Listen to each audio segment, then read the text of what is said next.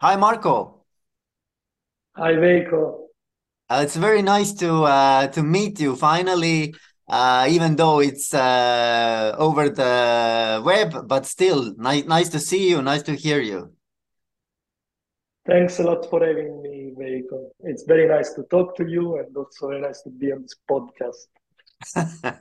So I'm trying to say your name, Marco Scarpellino. Is it is it the right Oh, yes, you are the first non-Italian guy that pronounced it right. So, I try I. I try to use the energy, you know, the, the energy that the Italians have, you know.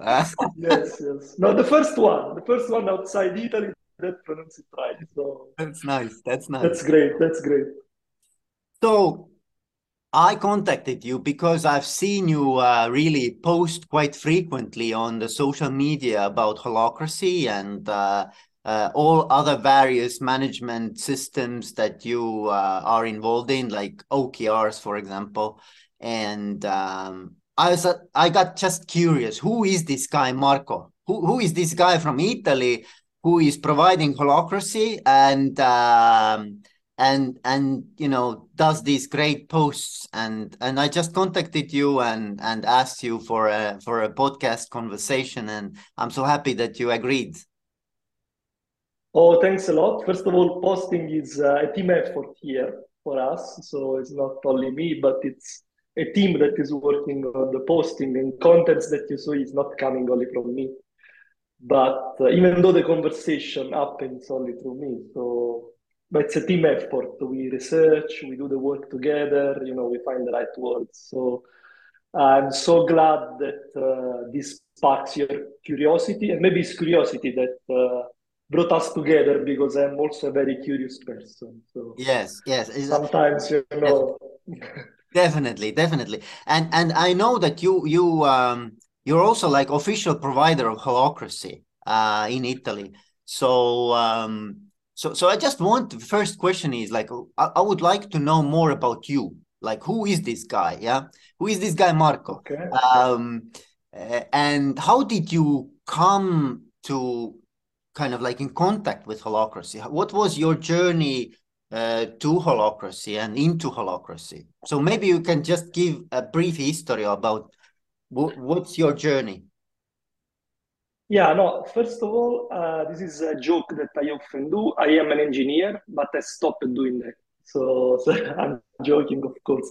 So I am an engineer, uh, mechanical engineer, and I started working mainly in the renewable energy sector in my after my graduation, uh, even though I have plenty of interest outside.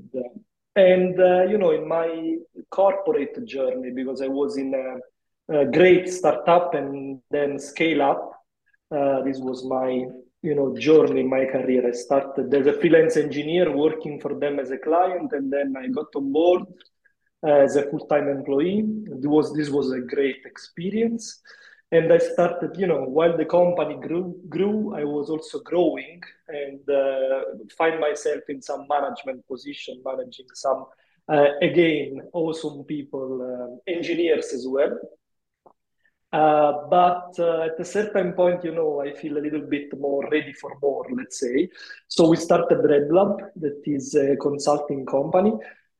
The reason uh, why we started because we saw so such a great potential in Italy, especially of companies that were working and doing awesome stuff already, but at the same time they have such, you know, potential that was not expressed or exploited at its full.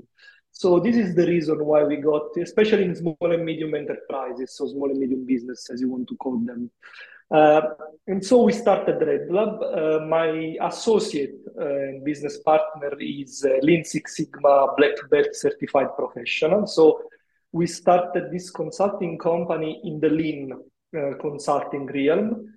We just designed a new approach to Lean that already, you know, let's say the germ, I don't know if you can say it in English, the germ of holacracy or, or self-management was already there, or involvement of people was already there because in our approach to lean, let's say in lean in general, there already is a great involvement of people that is taking part in the improvement journey, but in our approach is much more relevant. So people are really involved in the journey and in the improvement we design. And this, this approach is called Muda Free.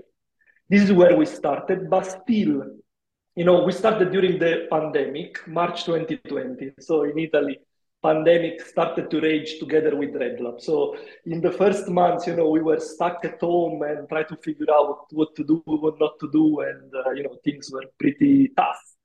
But at the same time, this gives great, uh, you know, time to experiment, to see new things, and we still felt that something was lacking. So we get on with the lean stuff. Muda Free called our approach, our uh, you know way of doing lean in our uh, client company, but looking for more. And we get to OKRs first. At the end of that year, OKRs not as a tool, but as a methodology to bring new ways of working. I think that were that point was where everything started. So we started to investigating into how OKR's working company.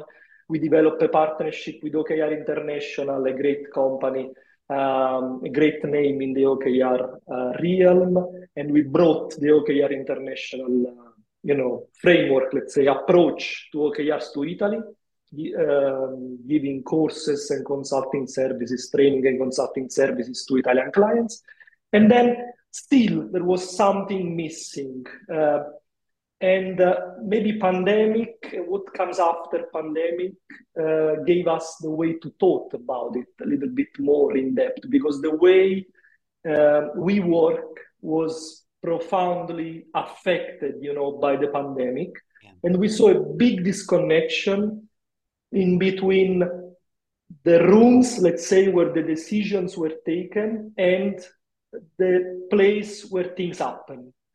So we were looking for uh, how to fill this gap because there was pretty evident to us that there was, you know, some disconnection between the decision making process and the signals that got from the uh, that you know came from the market as well or from the ground where you do the actual stuff where where rubber hits the road let's say. Yeah. Uh, OKRs were a part of this solution, but still were not, or at least for some organization, the full solution. So we get to investigate curiosity. I said at the beginning of this conversation. Now we got curious about what can be done, and uh, you know, studying and uh, you know, got into Google, the usual thing that you do, reading books, all these kind of things we got to uh, first and then Holacracy just afterwards. So I read the book from Brian Robertson, I read uh, the book from uh, Frederic Laloux, and uh, uh, Corporate Rebels, Brave New Work, all these kind of books that uh, maybe you know and your audience already know. Um, in a very few weeks, I have to say that uh, took me 15 days, Corporate Rebels one week, and uh, you know start with why it's another i think book that really gives a perspective about this and uh, there is one spe- two specific passages in the brian robertson book that uh, and also in the that's also in the frederic laloux book. One is the signal of the airplane uh, that you neglect. I don't know if you if you remember at the beginning of the book.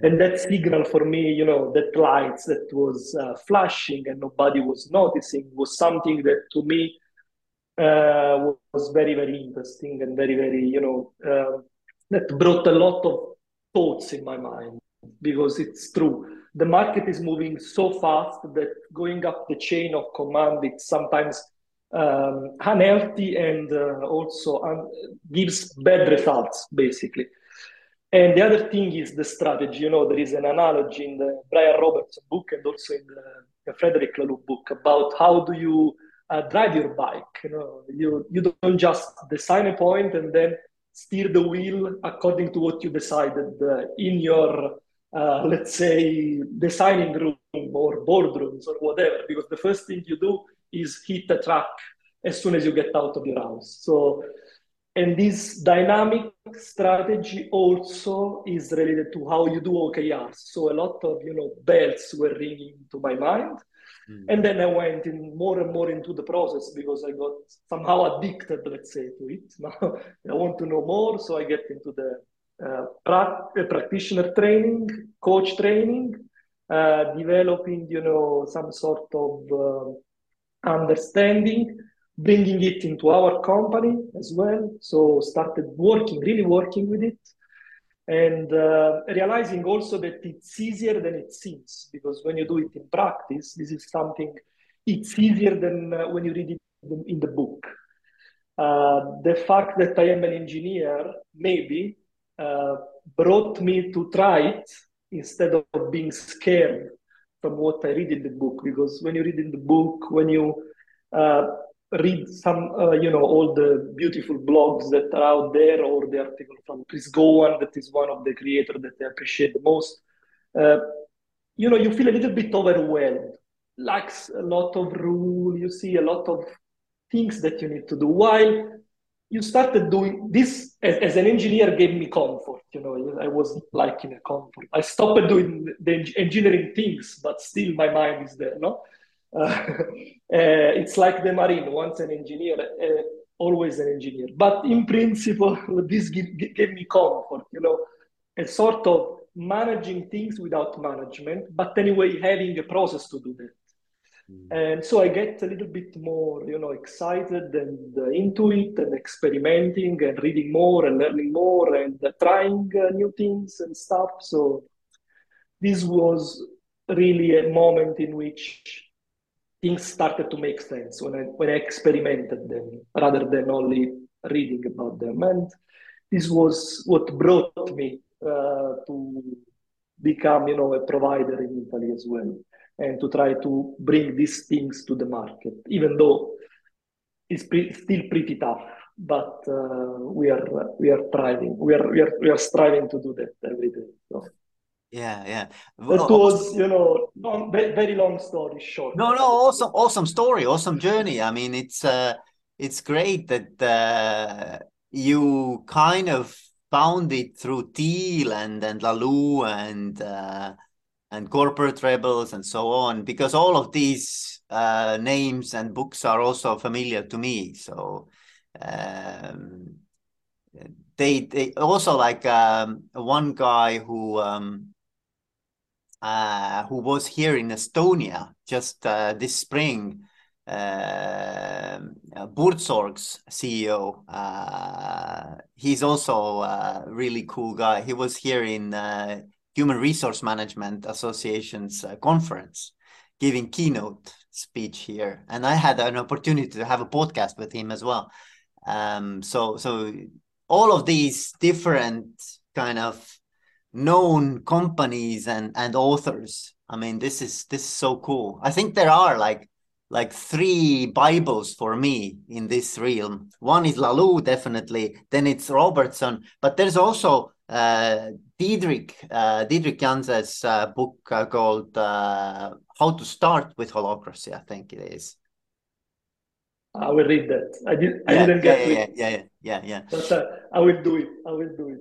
So anyway, uh, nice, nice story. And um, I was just curious, like, if you are now having this practice of holacracy, so so what are the things that you as a maybe still kind of like fresh fresh practicer or uh, fresh person who's practicing it an organization what are the things that you first kind of see as the uh, benefits and what what could be the things that are still kind of tough and difficult and maybe like you're still finding way how to overcome them. Um so so i would be very curious about your first impressions like like what what what is uh, what is the kind of reflection on the practice?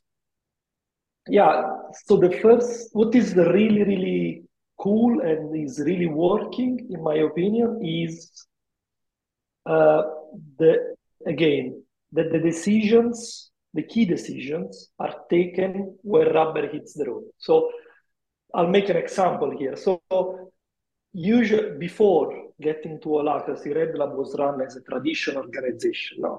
a hierarchical, sort of. We never had the uh, standard hierarchy in place, also because it's a small organization.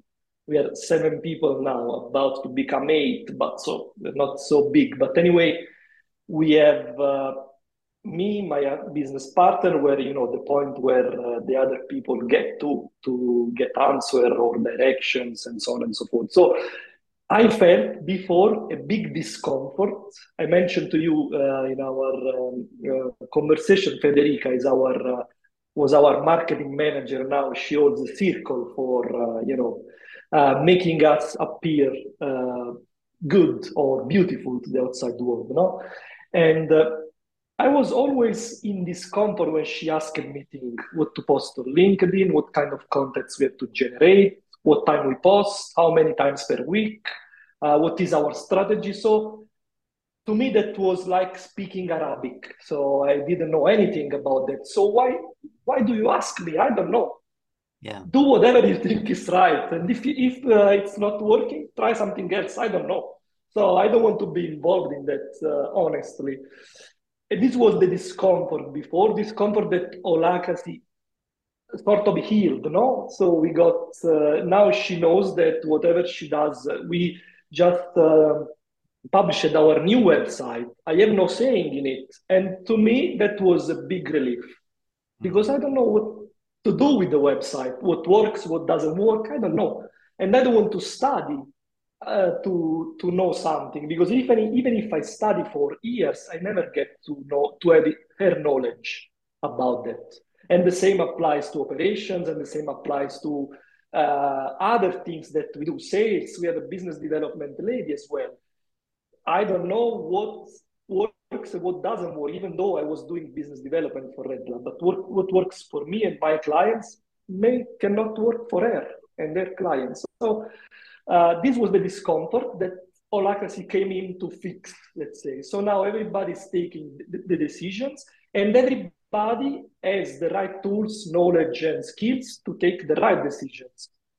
Even if the world is changing, we are facing a lot of, struggle on LinkedIn recently. I don't know, this is something that I read a lot because the algorithm change and you have to change your strategy and so on and so forth. But I have no skills, tools, knowledge to do that. So she experiments, Federica as well, and she get with something that is good or she get with some learning. And we don't care about making mistakes. So, but for sure she will make less mistake than I will. So yeah. this is the, the thing that I think is great about Holacracy. And this is the thing that I realized was also some sort of discomfort when I was a manager, formal manager in a company so there, are, there were things where I was not involved from the beginning, and then people asked me my opinion on that. I don't really know. So how can I know? And do I have to get into the books, emails, and so on and so forth. So take your decision. Whatever you do is fine for me. Uh, because I, I really feel that the people want to do good. So there are no people that want to do bad things or just sit and, and stay. And this is also something on the, let's say, dark side or dark spots, if you want, about holacracy, that not all the people are ready to do that. So there are people that, eh, fortunately enough, in Red Lab, we have some sort of uh, driven people, no, that wants to be, you know, taking decisions and taking responsibility, accountability, and so on. But maybe there are people, and this is something that we found also, that are not ready to do that, that wants to be managed in a way. So maybe this is something that uh, has to be clearly, you know, assessed before you, you get into the practice and you start doing that because otherwise you create really big harm to those people first and to the organization as a consequence. Maybe they don't know that they want to do something, that they can do something, or maybe they're a little bit insecure, or just they don't want to, to take, you know, this kind of ownership and this is fine as well. We are all different people. There are no better people than others. So everybody's comfortable in doing something. Or maybe it's just the environment in which they're in that is not bringing them uh, to take ownership of the decisions and so on. They want to be directed. This is something we found. And, uh, it is also true for OKRs. And the other, uh, let's say, things that I found in self-managed organization is sort of alignment. So the risk, and this is where, uh, we, we developed also an OKR and Holacracy integrated approach. We just presented to the to a gathering of uh, worldwide providers of Holacracy a couple of weeks ago with some sort of also good feedback from it. Uh, because what happens in self-managed organization rather than in hierarchical? So hierarchical one, you have one guy, five guys, whatever, that tells you what to do. Okay, this is the direct the direction we are going to take. This is where we are going to go. This is what you you have to achieve, and this is the results you want to see, or this is the activities that you should do to get there. It's pretty easy, no? While in Holacracy or other self-managed uh, organization, what I see sometimes is that there is a, a sort of uh, lack of clarity, while it should be the opposite about the direction and the objectives we want to have. So, in, in a for-profit organization, everybody is there to earn some money at the end of the day, no? At least to guarantee the survival of the organization, if not to make money for the shareholder. And sometimes the strategies and the you know the way you do things or where you want to go is not so so clear to everybody especially when the organization grows a bit uh, and so I found OKRs bringing back this alignment. So that's why we try to integrate and we develop, you know, a sort of um, system approach to integrate the two things together. Both OKR as a methodology again, not as a tool. So as a methodology to keep alignment, while in uh, you know standard hierarchical organization, um, OKRs are also a tool for developing some sort of decentralized decision-making processes.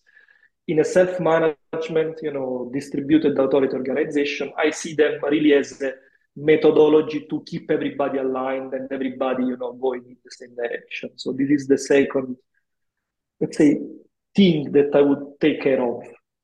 Yeah, yeah, it's interesting. I don't know if I answer your question. Yes, yes, you answered. yeah, right. yeah yeah i i got like very uh, curious about like like different um, angles of your answer one thing that i i came to my mind was that um, when i had a podcast with david allen david allen the uh, getting things done uh, like the, the author the founder of that approach um, he said very interestingly that that for him holacracy uh, the main benefit of holacracy is that uh, when you distribute authority, then you also distribute your stress as a CEO, as as a, the owner of the company. So for me, it was very interesting to think, like like like you said also that I don't have to know these things. Like if I have to be the the most uh, the, the smartest guy in the in the room as a CEO, it's very difficult. It's it's a lot of stress. But if you if you but it's impossible. It's impossible yes yes. it's impossible because things yes. change from one day to the other. So even if i knew yesterday i will not know today. So exactly. you, but... exactly.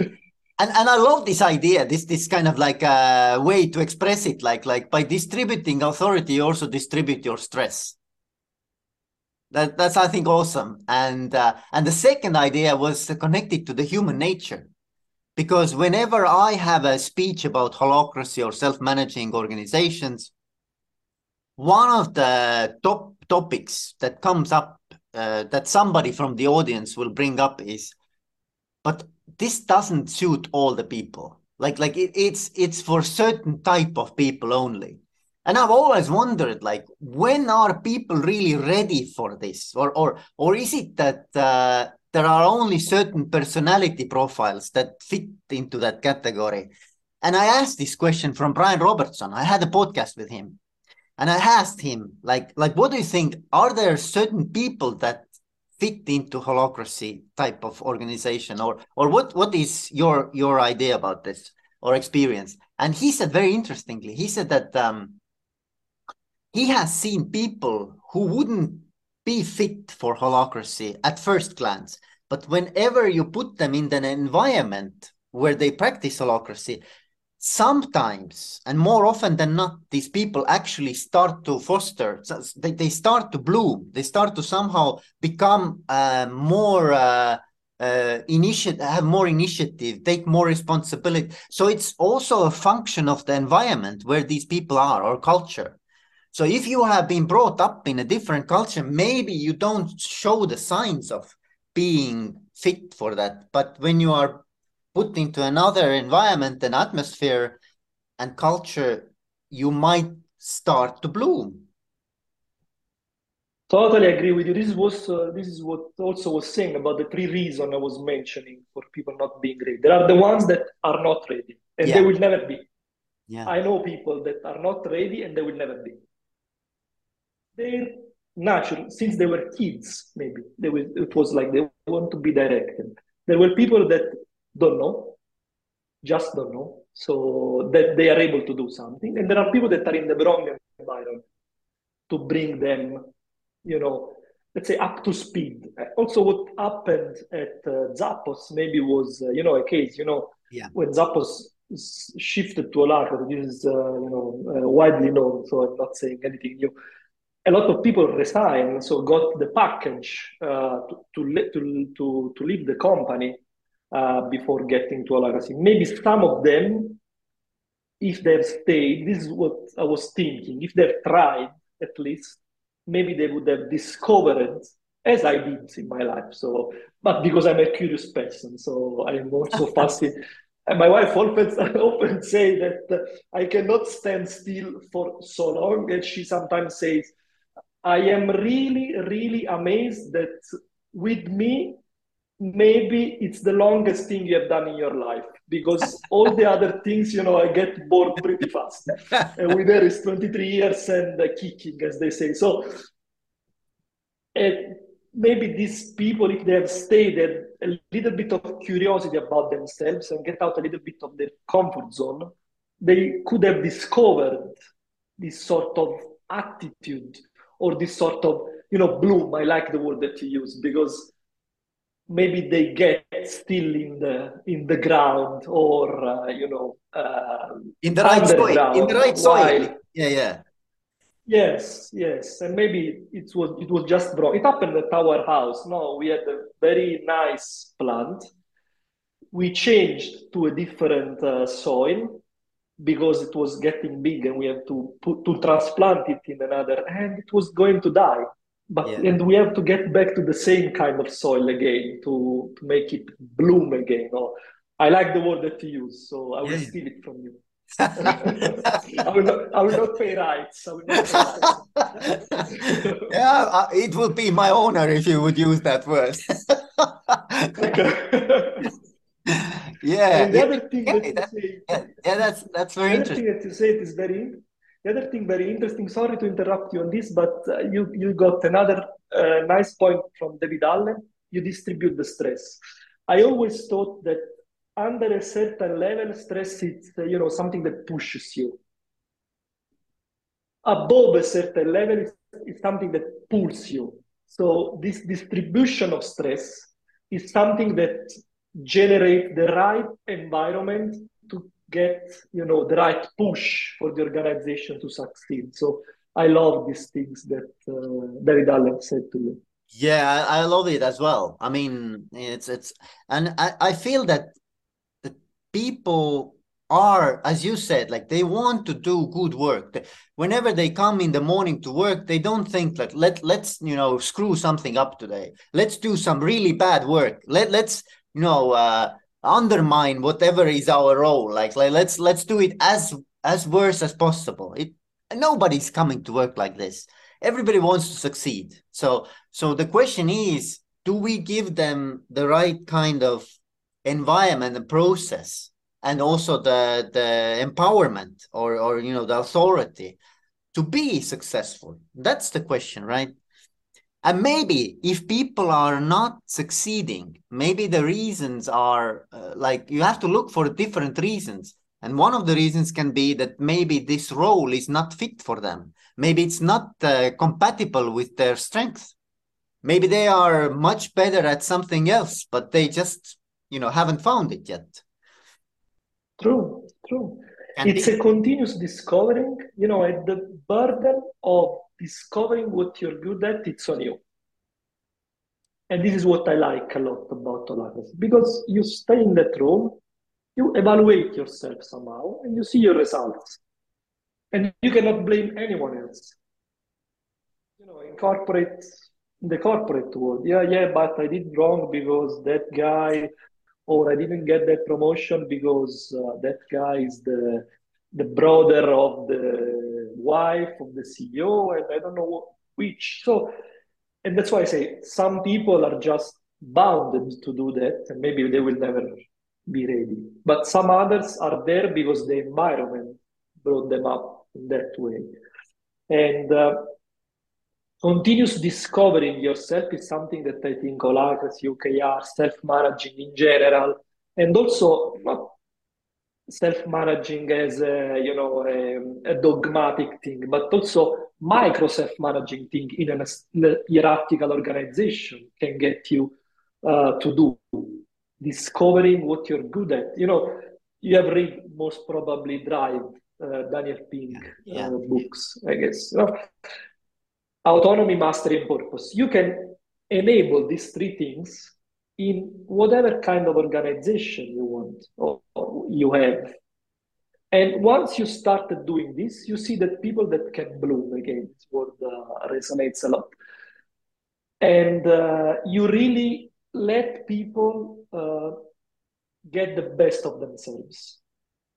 We are not uh, so, so bound to what we are. This is what I think. So I was not born an engineer, I became an engineer.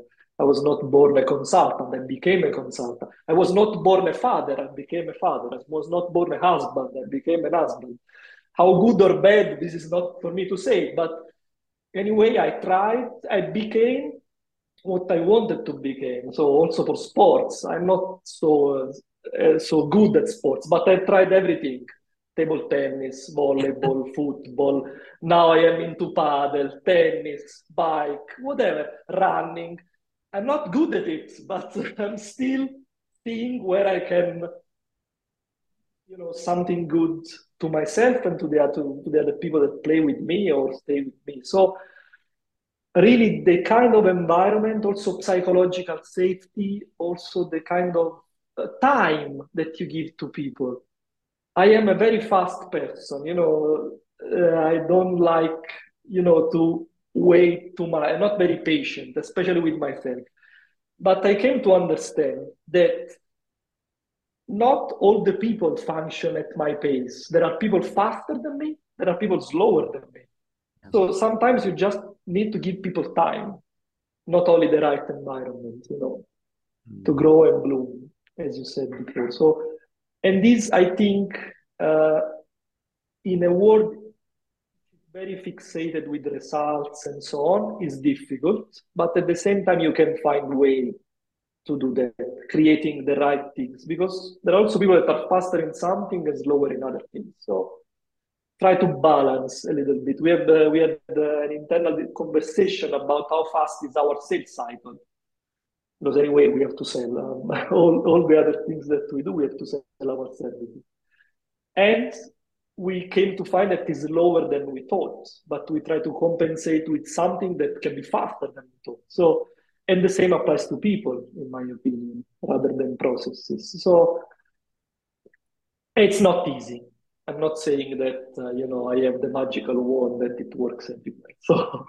So, uh, yeah. but uh, it's kind of the things that I'm interested in. I, I also want, became curious. Like uh, sometimes people ask me, um, why do you need holacracy or self-managing organizations? Why can't you just uh, have decentralized or flat organizations, still having the the, the you know the traditional kind of hierarchy, but it's it's as flat as possible. So what's the difference? How would you answer this question? Like, I would not. So no, I'm joking. no, not in the sense that in the sense that you, you don't know what you need until you try it. To me, again, it's a continuous experimenting process because okay, you don't we started also developing a readiness assessment for organization to see where the pitfalls are and what they are ready to take to tackle. Okay, let's not start by saying what you need as a, an operating system, as Brian Robertson calls it. I like this definition, no? But let's start thinking at what you need in terms of business, okay? Or in terms of things that you want to achieve. Maybe you are a no-profit and you want to be, you know, to bring more projects. Maybe you are a for-profit organization, but you want to have more engagement. You want to have more the feel the people uh, uh, make your people feel more safe. Know what you need in your organization. It's not always related to financial results. Sometimes you need something else to be the best version of yourself. So, in my opinion, it is like that. You started asking yourself a question. So, what do I want to achieve in three months, one year, three years from now? Where do I want to go? I don't decide, I don't decide upfront what I need to get there. First of all, I decide where I want to go. Okay, this is why we are developing also a readiness assessment because maybe you are you the, the only thing that you need is just to review the way you do your meetings that is what causes you trouble today okay then you start changing the way you meet changing the type of meetings that you do change the structure of your meeting and then you start exploring what comes out of this trust small, tiny transformation. And then, okay, you say, I like this, but I want to get more into a bottom-up approach. So maybe you need OKRs. So let's start see if OKRs is the right tool for you. Uh, and then you see, okay, this is very good because I see that people take ownership. So let's get one step further. So really, I don't uh, know exactly what is the difference, but rather I think that it's what works for a specific organization at a specific point in the life of that organization. Because today you might need something, tomorrow you might need something else. So, getting back to your question, maybe you start as, as I did, head down with Holacracy without thinking too much about it. We were, you know, a sort of still very flat organization, but you know, I'm I am I am uh, Marco and you're and uh, you know people out there uh, different from us. So I, I got into a Holacracy, I got the practitioner. Okay, from one day to the other to the other, I say to my colleagues, let's try this. They said yes because I don't know why they trust me sometimes. so and so we get head down on that because we were full all in on that. But maybe sometimes you don't know. Of course, our organization was very small, so it's very easy for us. We can pull the plug at any time, at any point in time, and nothing would have happened. For other organization, maybe it's a more a discovering process. You discover what you want to do while you do it, and maybe sometimes you are into the holacracy or self-management without even knowing it. Yeah. You get into a process. Maybe you don't have all the rules and all the you know circles and uh, uh, sub-circle and so on and so forth, but you are still you are already doing something like that. So to me, and also our approach to consulting our client is based on that. So Okay, you want to do OKRs, for example. Let's explore them together. Let's put OKR. We start with the context setting meeting because we want to understand why you want to do this and if that works for you, because maybe it doesn't. And the same is for Lean. We got uh, across a couple of organizations in the Lean, uh, let's say, realm, where we say, okay, you don't need us. You're so efficient. Your people are so uh, engaged in the process. They keep improving things. So why you want to spend money on consulting when you don't need it? Yeah, yeah, yeah, yeah. You know, and uh, you know, I think it's a kind. my opinion, it's a kind of discovering process. Maybe you start with something and you end up with the whole thing, and maybe sometimes you go beyond uh, what you were thinking at the beginning uh, because you like it so much. And I have to say that if CEOs in general will experiment the distribution of stress, some of them are, are fed by stress, so they, they wouldn't like it. But the majority of them, I'm pretty sure they will go with it uh, the day after because the amount of pressure that you have is not human sometimes, and you cannot bear it. Uh, the amount of, you know, things that you have to take care of, honestly, is not human. Also, in a family, the parents are often too. Yeah, yeah. And sometimes you have grandparents and you have, you know, uncles, aunties, and so on and so forth, because you distribute the stress yeah. to, you know, make your sons and the kids in general grow up in a healthy way that is the most challenging task I've found in my life. But and you distribute Yeah, that stress. Can you imagine? I don't know, I, I cannot imagine to raise my kids alone without any support from anybody in my family. For me, it was, you know, I was going crazy the day after uh, I started because, and the same is for companies if you think a little bit about it. It's a living org- organism and you have to make it grow in a healthy way, in a healthy way. So Yeah. that's my thought. A little bit of philosophy here. Sorry. No, no, no, it's good. It's I I I love I love the the parallel you draw between raising kids and and uh, running an organization. I think it's uh, there are there are many many uh, similarities between leading your kids and leading your team. So um, yeah, and and I also love the idea of, about like just trying out, just experimenting, just um, you know practice have a practice try out stuff and uh, and then see what fits and what doesn't fit for for your purpose right? And uh, and um, and that's how holacracy uh, came uh, to life as well through experimenting. So it wasn't like a theory but it's it's a practice right? So so it's it's uh, it's Yeah, something yeah. you have to try out. Yeah, and as I said before, when you try out, you will find that it, I wrote also an article. Maybe you read it or uh, you, can go check on my uh, blog as well.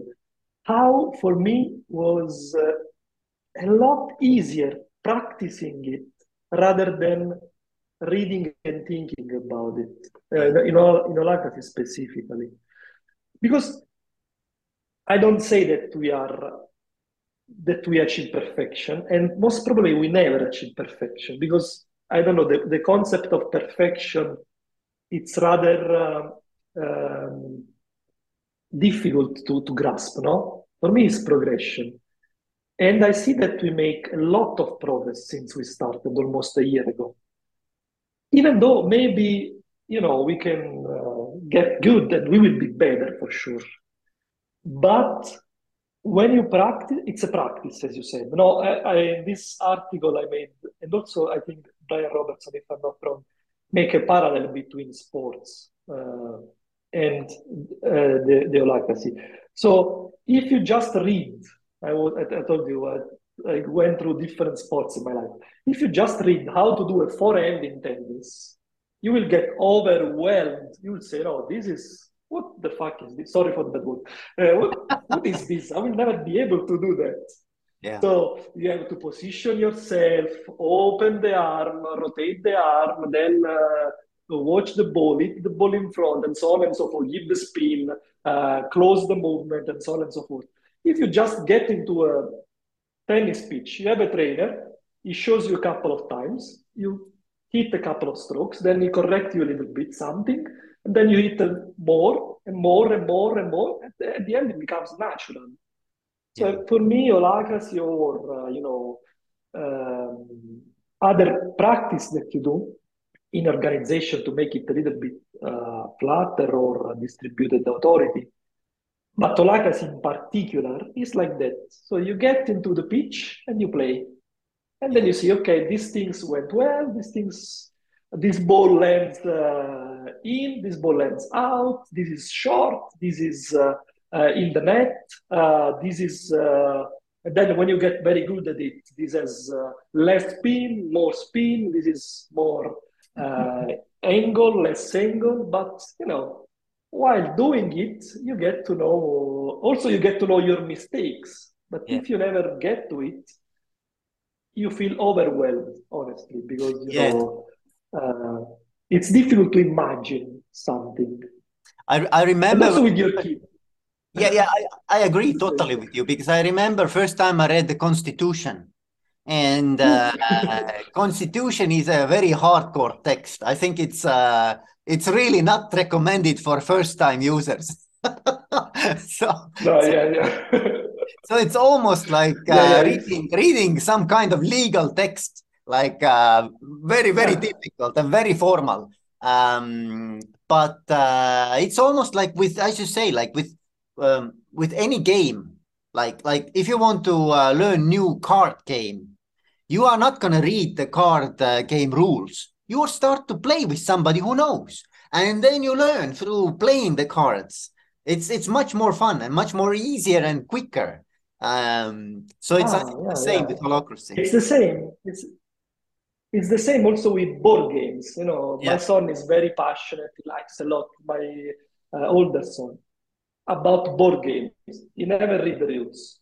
So this is the problem because you never know what you are playing at. Okay, and so and every time, especially when he was a little bit younger, every time the rules change. So I said, "Okay, Alessandro, please stop it. Let's read it a little bit." Oh, but now, now I found that there are a lot of YouTube videos, and you learn so much faster yeah. than reading the whole. You know, when we were kids, you know, you play Monopoly the first time you read the you know 10 pages uh, yeah. rules and then you have it yeah, you. Yeah. Uh, but you start playing because if you just read, even at that time, you read maybe once and then you put there, and every time something happens, you go back.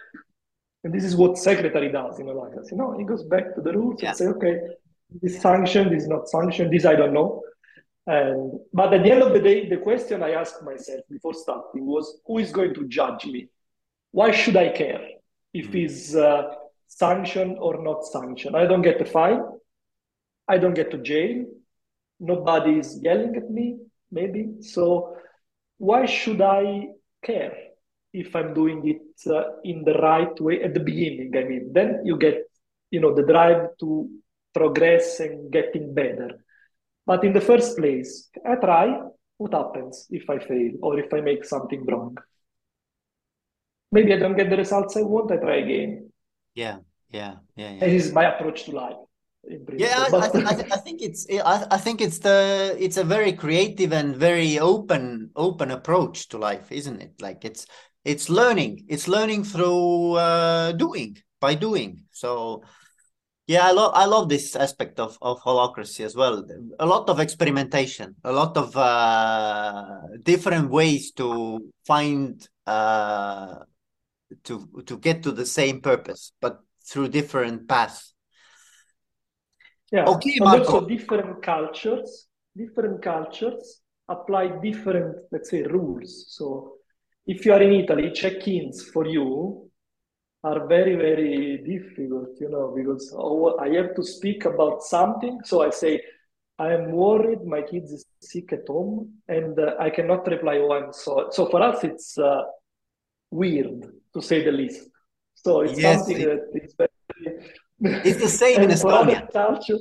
It's the same in Estonia. Same, same. It's it's very very.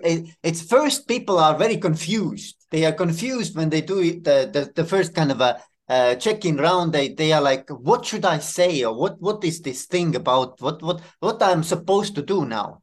Um, they're con- kind of confused, uh, and sometimes when the first person says something, then the other persons are like kind of saying almost the same thing so so it's also important who starts and what with what kind of depth or how, how deep the person goes right so uh, that kind of defines who uh, what will be the, the rest of the group will say so. It's yeah, it's interesting it's but, you know it's it's a but, cultural but, thing as well so.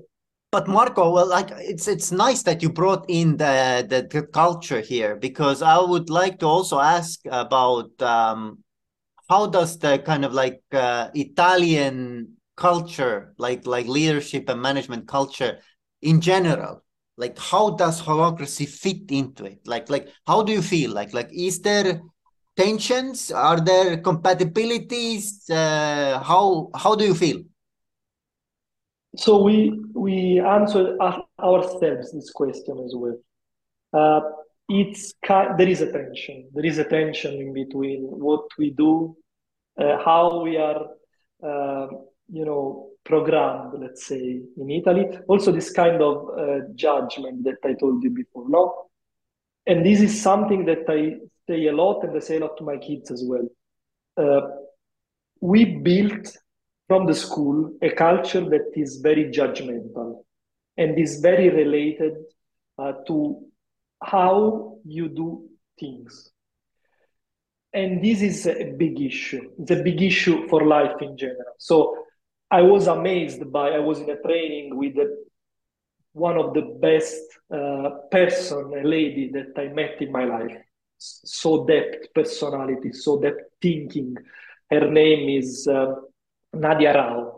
I often say thank to her for something that uh, she taught me during that five days in London in 2018.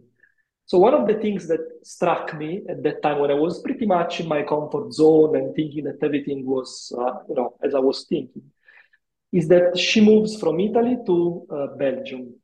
And we are bound to think, in Italy at least, I don't know, in Estonia or in other countries, about school as a grading uh, game, no?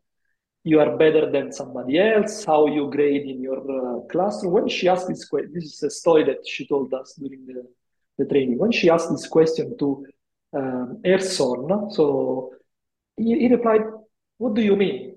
We don't have things like that. So they have a more group approach to learning. Uh, the more, you know, helping each other to get everyone up. And everyone, there's sometimes there's someone that is good in math, sometimes that is good in uh, physics, uh, sometimes is good in uh, uh, chemical sciences. I don't know everybody's good at something. So, and the others were helping to, to raise the level of the whole class without taking paying too much attention to the grade. And in the in the corporate world, in the company when the you know business world is the same. We have the grades that the results, the revenues, and uh, EBITDA and whatever that are important because you need to survive, and also you have some uh, arbitrary time frame that we put because the year it's uh, I don't know if you read *Sapiens* from you uh, Yuval Harari.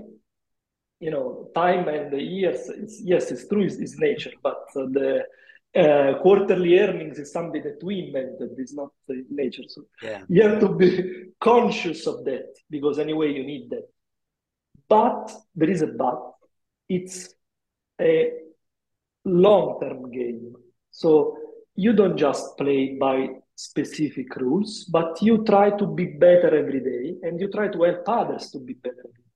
So this is, and also my, you know, when I, when, when I told you, when I approach holacracy, why should I care? Comes after, because at the beginning I was scared that I was making a mistake, I was not doing it properly. But after that, you realize that it's progression over perfection. So this is the first to get back to your, I make a very long round, but to get back to your question, the answer is I see a lot of tension. I don't know if it is only in Italy. I guess it's, uh, you know, also somewhere else, maybe in the Netherlands a lot less. But you, I feel a lot of tension because of the way we have been, let's say, programmed. No, we have we have been programmed in this way, very ju- to be judged, to be directed. Also in school, they don't prepare you to be a, a, businessman or a businesswoman. They prepare you to be an employee. Yeah. If yeah. you think about it, how, how the system is built. And uh, in holacracy, you are actually a businessman or a businesswoman. You're an entrepreneur. At the end of the day. You're an entrepreneur. You're, you're, yes, you're, you're a CEO of your role, basically. Of your circle, you know, of your circles.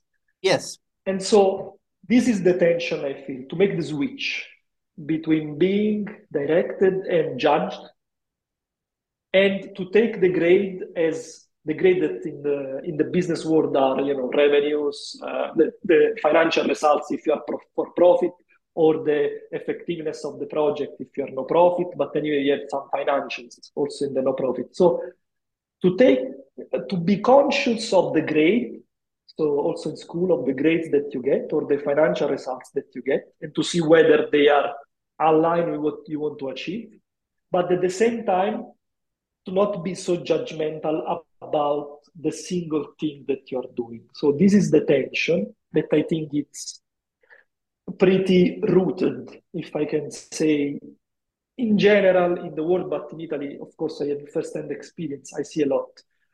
So, and this is maybe one of the first things that needs to be removed because the manager today or the CEO today feels and it actually is responsible uh, to the shareholders, but also to the people that he manages. It's not only that you are responsible to the wealth that you generate for the shareholder. You're also responsible, and this I felt with a lot of managers I spoke with, for the people you manage. So, and this responsibility stress, distribution of stress, this responsibility is hard to, to give away.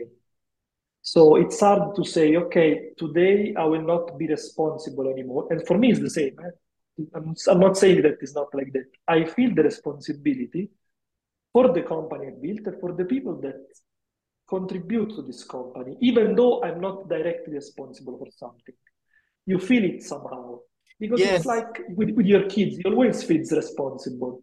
Of course. But, and but so I... this gap is difficult to overcome. I understand. Mark, I don't know if I answered your question. Yes, yeah, yeah, yes, you answered because I, th I think it's the same. It's the same in in many uh, many cultures and also in Estonia, uh, the same thing. Because we are we are brought up starting from kindergarten, starting from your family uh, structure. There is still a very strong hierarchy and very strong uh, kind of poles of of uh, of being a, a, child and a parent and you know employee and employer uh, you know a teacher and a pupil. So so it's it's it's it's kind of ingrained in our kind of uh, uh everyday culture. So it's very difficult to get out of that uh, kind of mindset. So but yeah, i think maybe true. But marco maybe this is exactly why you are we uh, here with holacracy in Italy. Maybe you are kind of a small island of of uh, you know doing things differently, starting the the whole kind of change process. Maybe, maybe this was also because the way brought up my mother and my father were very open. So uh, always at the university they say, okay, you have to do exams that are your grading. It's your it's your responsibility. It's your job.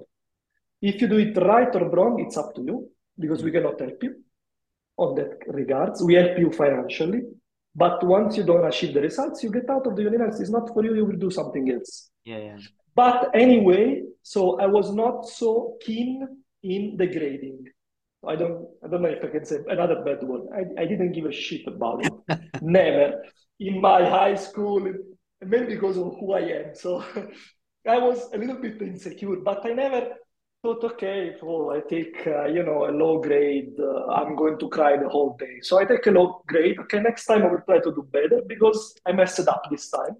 There will be another occasion, even though I was pretty good at school, even though was, you know, I was the kind of person that is very good, but it not exploit his full potential. This is, was, this was my mantra from my teachers from uh, you know kindergarten to high school. So you are very good, you are very smart, but you never apply your full potential.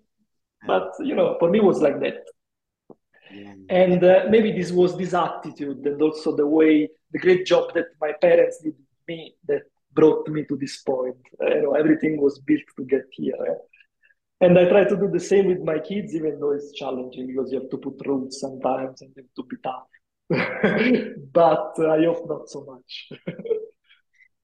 yeah, Marco. So so um, I'm just mindful of the time as well. So it, it's it's really nice to talk to you, and and I'm I'm pretty sure that we'll have other occasions to discuss holacracy again. And um, but for the last question, I, would ask like, is there anything you would like to leave our listeners with something? Like like any message any question any thought um, something that maybe we have already discussed or maybe not uh, but you would like to leave the audience with?